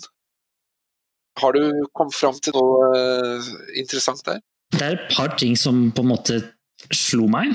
Det er Jon Skolmen som politimann til slutt der. Han er den veldig jovial uh, politimannen som liksom holder til i en kystkommune og som bare er hyggelig og liksom skal hjelpe og drive, drar sånne dumme vitser og sånn. Ja. Eh, det er litt typisk norsk. Litt sånn, uh, litt sånn fra Kardemommeby? Altså... Ja, litt, egentlig. Og det andre er også en sånn litt sånn dugnadsfølelsen, hjelpefølelsen. Norge er jo gjerne dugnadslandet overfor noen annet land. At liksom denne Bjørn han er veldig hjelpsom ja. med at han skal hjelpe til med å ta, kaste en svær, dyr jernkomfyr på havet. Altså, og så skal, bare, skal, så skal, den bare være i veien. ja, ikke sant. Jeg, jeg, jeg, anser dette som veldig norske ting å gjøre. Eller så er det liksom veldig norskt iscenesatt, rett og slett. Det er jo filma i Sandefjord. Ja vel. Ja. Men, eh, men vet du hva, det, det, var morsomt at du sa det der med dugnad, for det var akkurat det samme jeg eh, trakk fram. Altså det her eh, med jernkomfyren. Altså det at Einar sier ja, vi må, vi må rydde opp på øya her, og det er så mye dritt som ligger her, og vi skal liksom rydde og stå litt sånn eh, sammen for fellesskapet og få det fint og rent her. Det er liksom typisk norsk, tenkte jeg da. Men da er vi jo faktisk kommet til veis ende, og har du en karakter? Eh? Ja, jeg er litt eh, på et, litt dette folkesnittet, ja, altså, egentlig. Ja, ja for, for, det er, for én til ti, ikke sant? Ja, jeg tenker én til ti her. Og, og ti er det beste? Ja, det er klart. Ti er det beste her. Eh, og for meg, så hvis noe skal være ti av ti, altså jeg, ikke, jeg kommer ikke på noe som skal liksom være perfekt, men vi har jo noen da som kanskje kunne gjort det opp gjennom eh, historien. Ja. Eh, men veldig, veldig få, og da ofte gjerne fordi de har hatt historisk har vært viktige for fremtiden, eh, egentlig, først og fremst. Eh, mens, mens, fordi at vi gir jo karakterer nå i ettertid. Ja. Og da tenker jeg at vi kan ta med en slik type påvirkningskraft, f.eks. i en sånn vurdering. Men det jeg tenker om denne filmen, er at den er kjempespennende. Hvis du ser den første gang Spennende, spennende. Eh, det er bra skuespill, spesielt av uh, Einar, synes jeg. Mm. Derimot så er jeg mer tvilende til uh, Lene, som jeg har snakket om tidligere. Ja. Uh, som jeg føler liksom Det burde regissøren egentlig gjort noe med, tenker jeg. Ja, hva, hva, tenker du på at hun ikke er uh... Jeg tenker at det burde ha tenkt over litt mer, denne personen som har laget filmen. At, uh, å prøve å få henne til å virke ikke så brå. Ja, du tenker mer på, på, karakteren, ikke så mye skuespillet? Ja, riktig karakteren, egentlig. ja. Så hun spiller jo for så vidt bare karakteren, og det gjør hun for så vidt også greit. Men så syns jeg det er litt mye nærbilder i denne filmen, og det, det er, jeg tenker at hvor, hvor, mye trenger vi å se eh, innholdet i nesa til eh, Lene Bergum, egentlig? Ja. Det er jeg litt usikker på. Så den er spennende, kjempegøy. Har du ikke sett den, se den. Men det er langt ifra Norges beste film, syns jeg i hvert fall. Uh, uh, og jeg ender på en La oss gå for en seks av ti. Seks av ti, ja. Ja, min sånn siste tanker om filmen er jo at uh, jeg syns den er en veldig fornøyelig film å se. Altså, den har sine mangler, og den har sin sjarm. Absolutt. Jeg likte på en måte det at, at, den på en måte Den virker veldig sånn ærlig og naturlig på en måte i hvordan den er filmet, da. Jeg syns jo Lene som skuespiller gjør denne rollen veldig bra. Karakteren er både levende og forfriskende, men jeg er altså enig i at uh, noen uh, justeringer, eller det kunne vært gjort annerledes for å heve karakteren og historien jeg anbefaler den å se den, altså. Jeg syns den svakeste karakteren her, som jeg forstår meg minst på, er Bjørn. Den syns jeg kunne vært jobba litt mer med. Og så syns jeg kanskje litt mer sånn farseelementer kunne kanskje vært med i filmen, sånn for å gjøre den litt morsommere og, og, og, og litt mørkere. Litt mer på spissen, da. Kan jeg, kan jeg bare nevne en ting eh, veldig, veldig fort? Det er en norsk filmhistoriebok som heter 'Bedre enn sitt rykte', og den nevner denne filmen én gang. Oi. Eh, og når den filmen blir nevnt, så er den nevnt som at den er en av filmene som på en måte markerer slutten på komediefilmene, som var ganske dårlige på 80-tallet.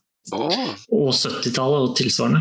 Som på en måte er litt mer seriøsitet da, i denne filmen. Og, dermed, og, og på den måten kanskje det, mangelen på da, uh, komedieelementer, hvis vi ser bort fra denne båten som eksploderer på slutten.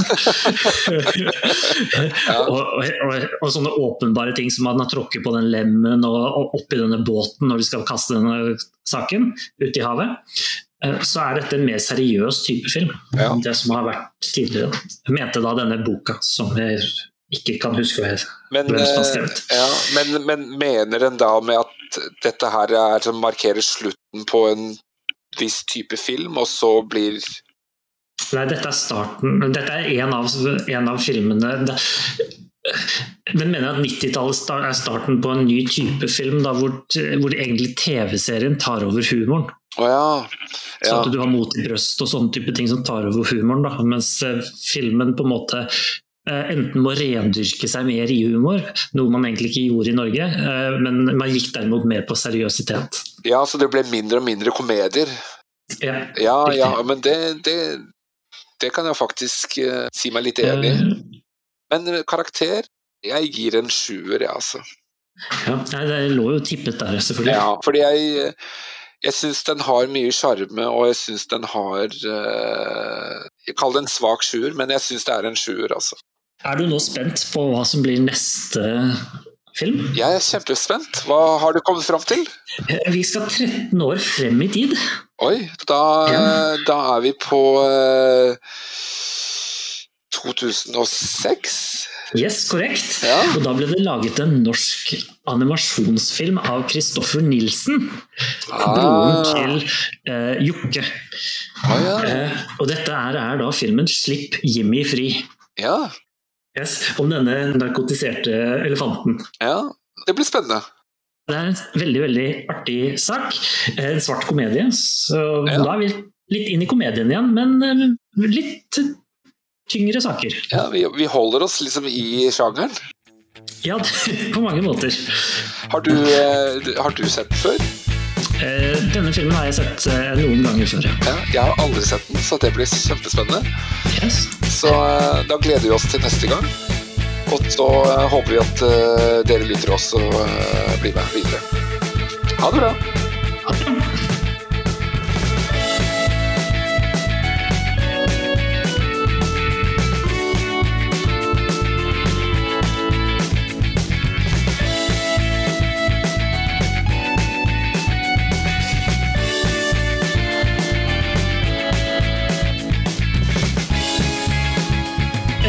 Må tenke følgende tanke. At det er én flaske med tresprit mm. og ingen spritflaske. Ok. Og jeg tror at det er én flaske med tresprit som en eller annen, Bjørn eller Einar eller Lene for den saks skyld, uh, har, men jeg tror ikke det er Lene, fordi at hun er gæren, uh, har flyttet inn i hytta fra boden, og så tilbake eh, til boden i den pausen. Hmm. Nei, jeg Dropp det jeg sa nå.